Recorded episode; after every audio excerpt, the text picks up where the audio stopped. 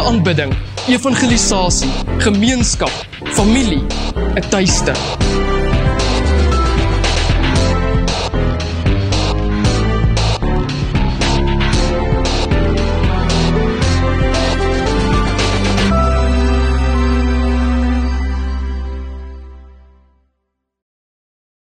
Om hierdie en soortgelyke programme te ondersteun, kan jy gebruik maak van EFT bankoorplasing, Zapper of SnapScan toepassing op jou selfoon.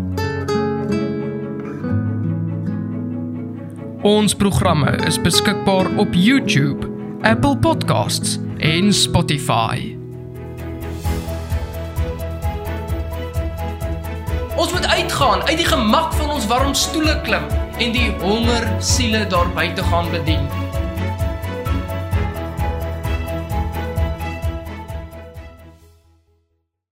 As jy nie beweeg nie, gaan jy sterf. Verbeel jouself dat jy elke dag opstaan, hare kam, tande borsel en dan na die stoel toe stap waarin jy nou sit.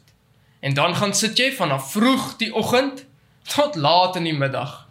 Jy beweeg nooit. Jy sit bankvas in jou stoel sonder om te beweeg. Jou kop, skouers en arms kan beweeg, maar jou onderlyf beweeg glad nie. Dag in, dag uit. Hoe sou jy voel? Sou jy na so 'n uur of 2 ongemaklik geraak het? Ek weet, ek sou sommer na so 'n paar minute redelik geïrriteerd gewees het.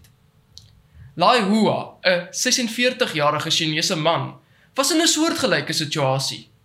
Op die ouderdom van 18 jaar oud was hy gediagnoseer met 'n mediese kondisie waar sy gewrigte en ander bewegende dele vasgroei aan mekaar. Lai Hua se ken het teen sy bors vasgegroei en sy borsbeen teen sy skaambeen. Dit het beteken dat hy glad nie sy rug kon reguit maak nie. Dit het beteken dat sy kop aan sy knie geraak het.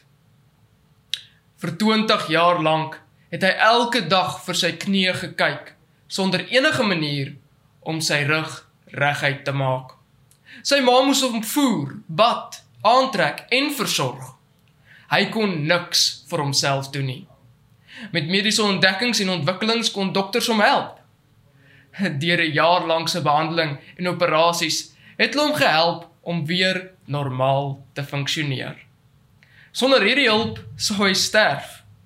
Hy het niemand behalwe sy ma gehad wat vir hom gesorg het nie. En sy was ook al redelik oud. Sou sy sterf, sou hy nie oorleef het nie. In die Bybel lees ons gereeld van verlamde mense wat deur ander gehelp moes word. Een so verhaal is van 'n verlamde man wat sy mooiste dag by Mooipoort beleef.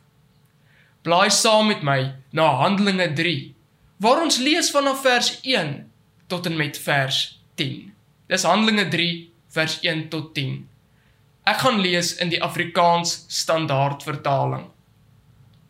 Vers 1. En Petrus en Johannes het op die 9de uur, die uur van gebed, na die tempel opgegaan. 'n Man wat van geboorte af verlam was, is toe aangedra. 'n Man wat hulle daagliks by die tempelpoort, wat mooi poort genoem is, neergesit het om geld te vra van die wat in die tempel ingaan. Toe hy sien dat Petrus en Johannes in die tempel wou ingaan, het hy geld gevra. En Petrus en Johannes het reguit na hom gekyk. En Petrus het gesê: "Kyk na ons." En hy het sy aandag op hulle gefestig en verwag om iets van hulle te te kry.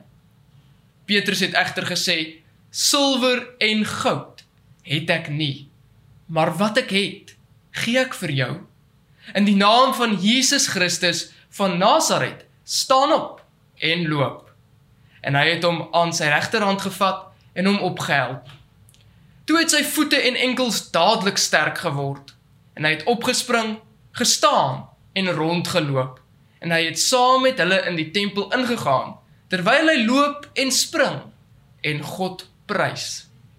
En die hele volk het hom sien loop en God prys. En hulle het hom herken as die een wat by die mooi poort van die tempel gesit het om geld te vra. en hulle was vol verwondering en verbasing oor wat met hom gebeur het. Ons tema van vandag: sit en sterf of beweeg en oorleef. Hierdie verhaal van die genesing van die verlamde man het 3 hoofpunte wat ek vandag met jou wil bespreek. Die eerste punt is as ons net in die kerk gaan sit, gaan ons geestelik sterf. Die tweede punt, die advent geloof is 'n beweging. En die derde punt, deur uitreiking kom beweging en deur beweging kom inreiking. Ons eerste punt, as ons net in die kerk gaan sit, gaan ons geestelik sterf. By die besige hek van die tempel het daar baie verskillende mense geloop.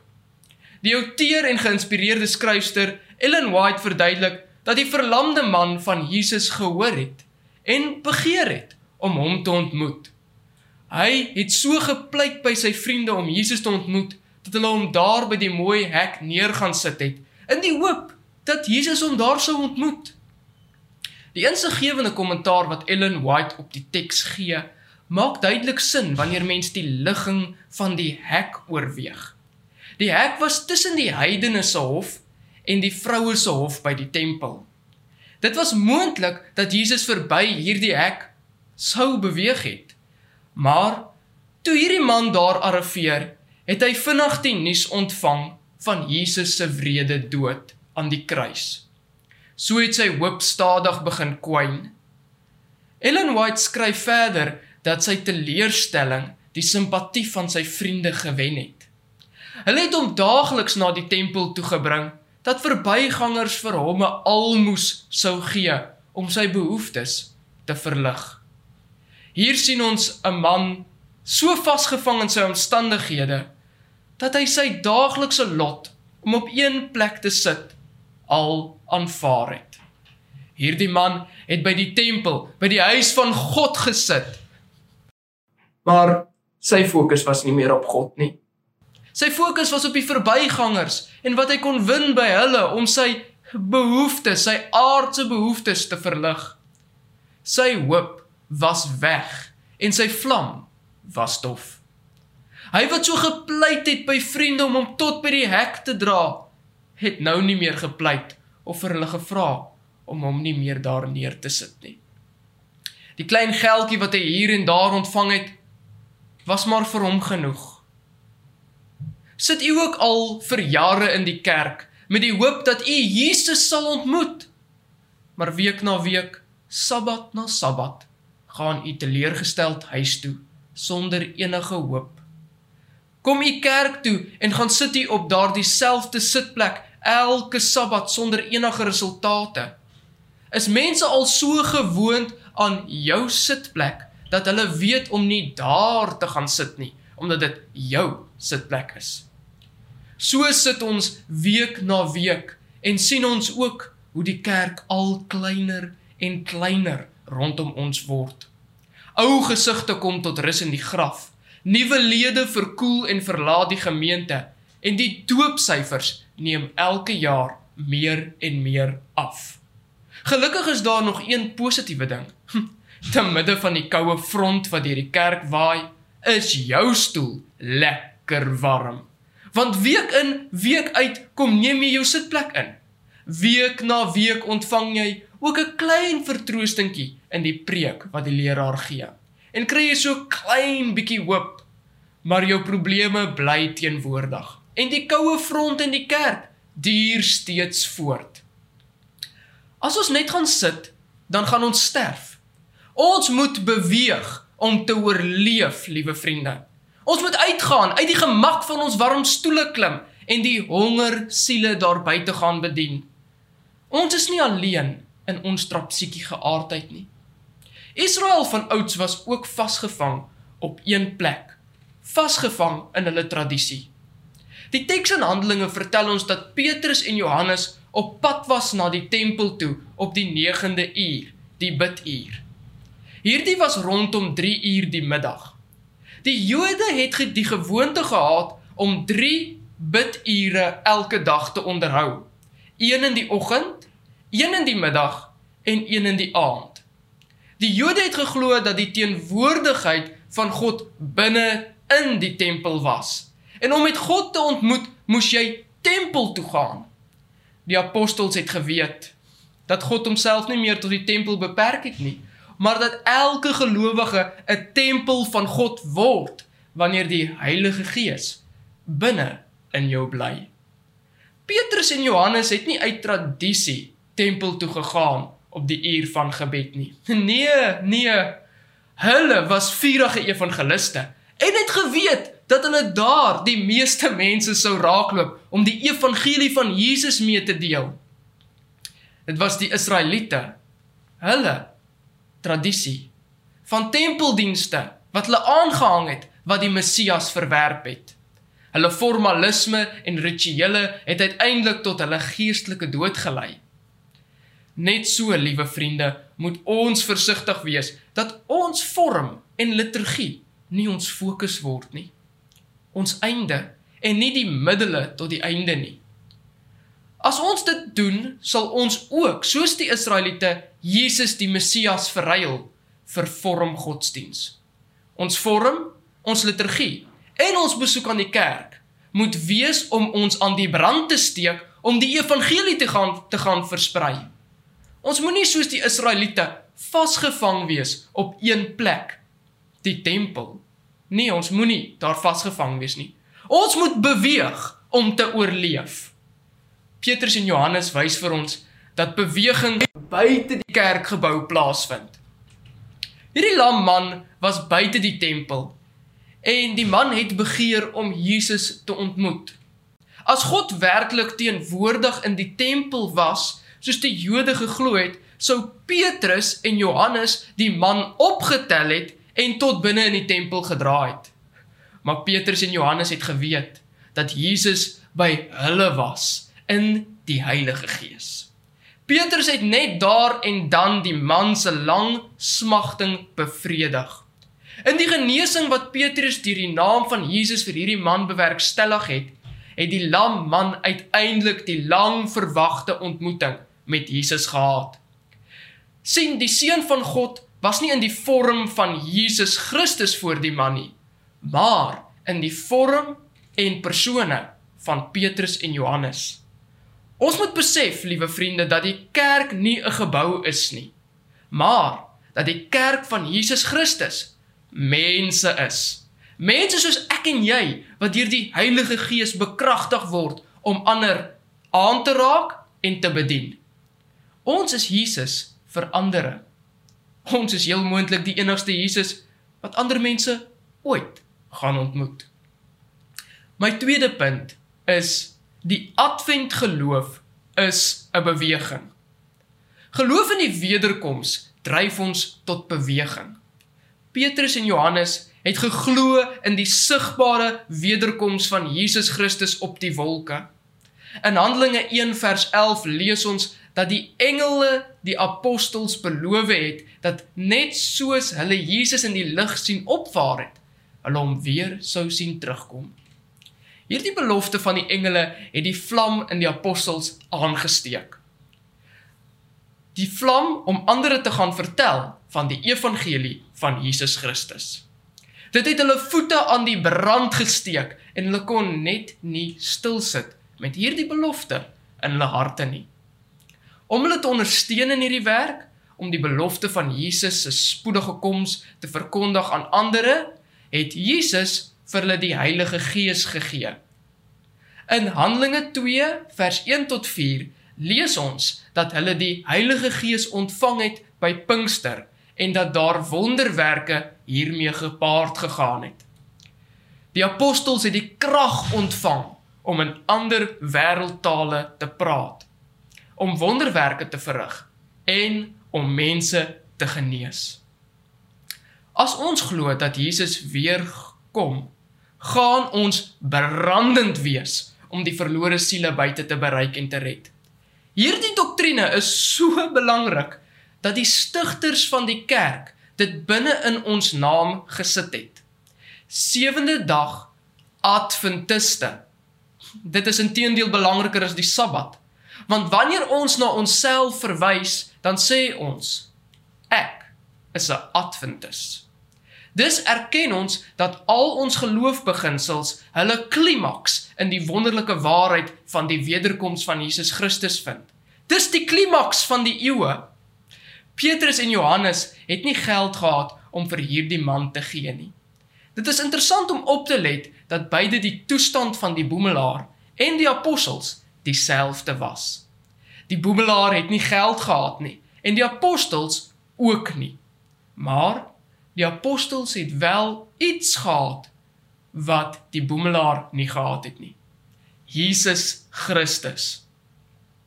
Al het die boemelaar by die tempel gesit, het ons vroeër gesien dat God nie teenwoordig was in die tempel nie, maar in die apostels deur die Heilige Gees.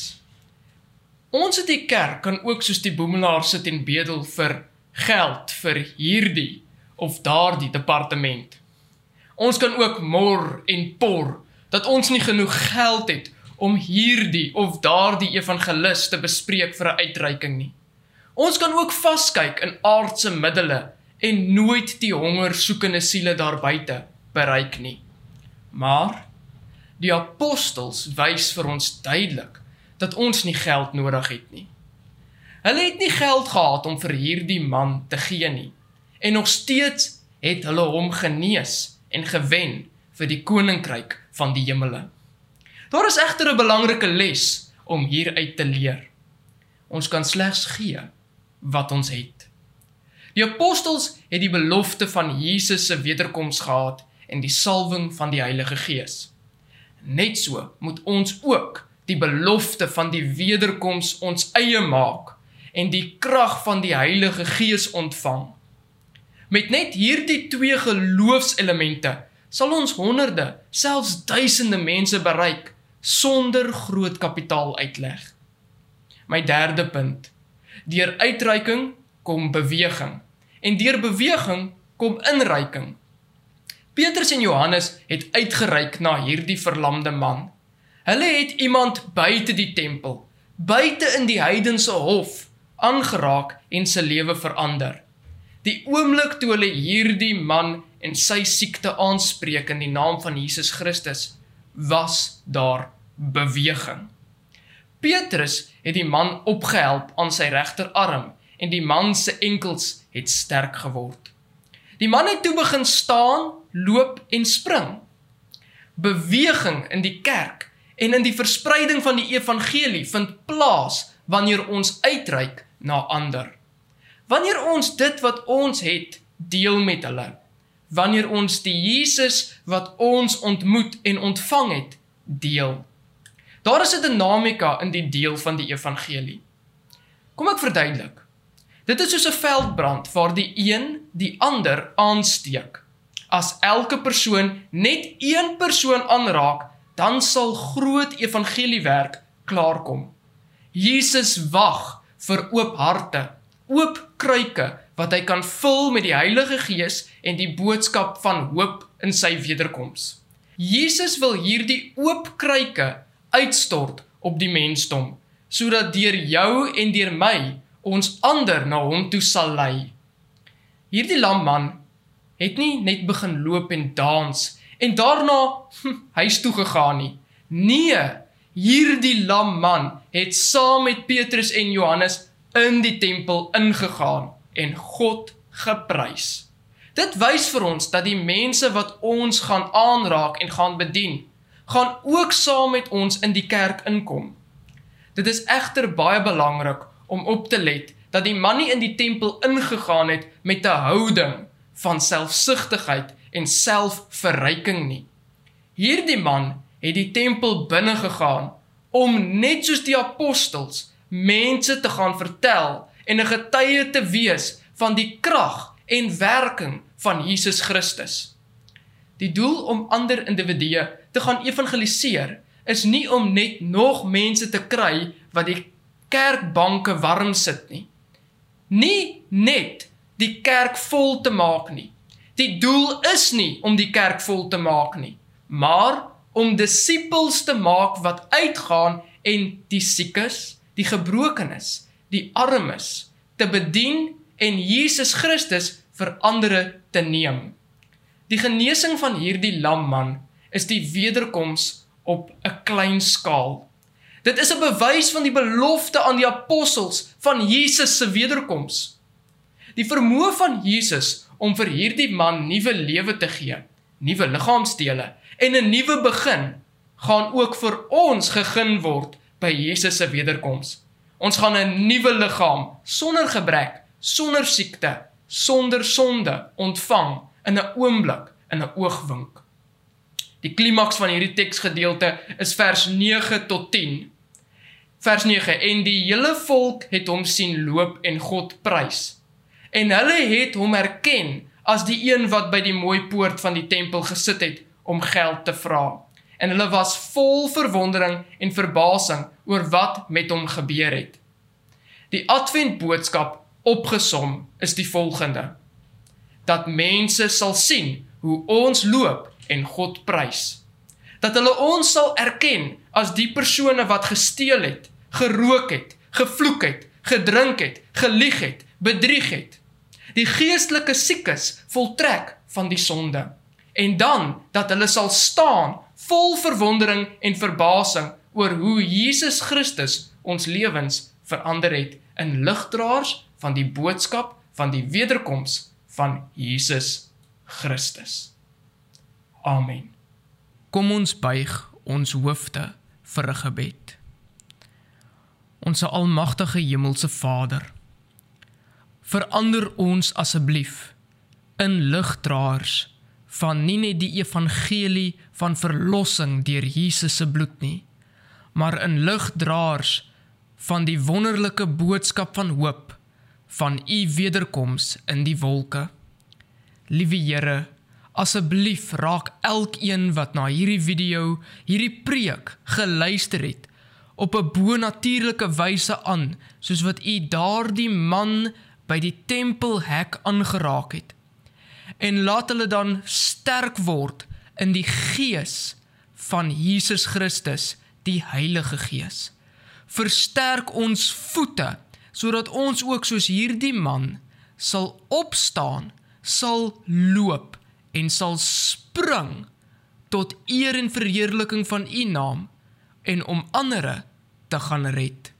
Dat ons hierdie gees wat ons ontvang het deur die aanraking van Jesus Christus sal gaan deel met honger siek mense daar buite siek van die geestelike sonde wat ons almal so verniel.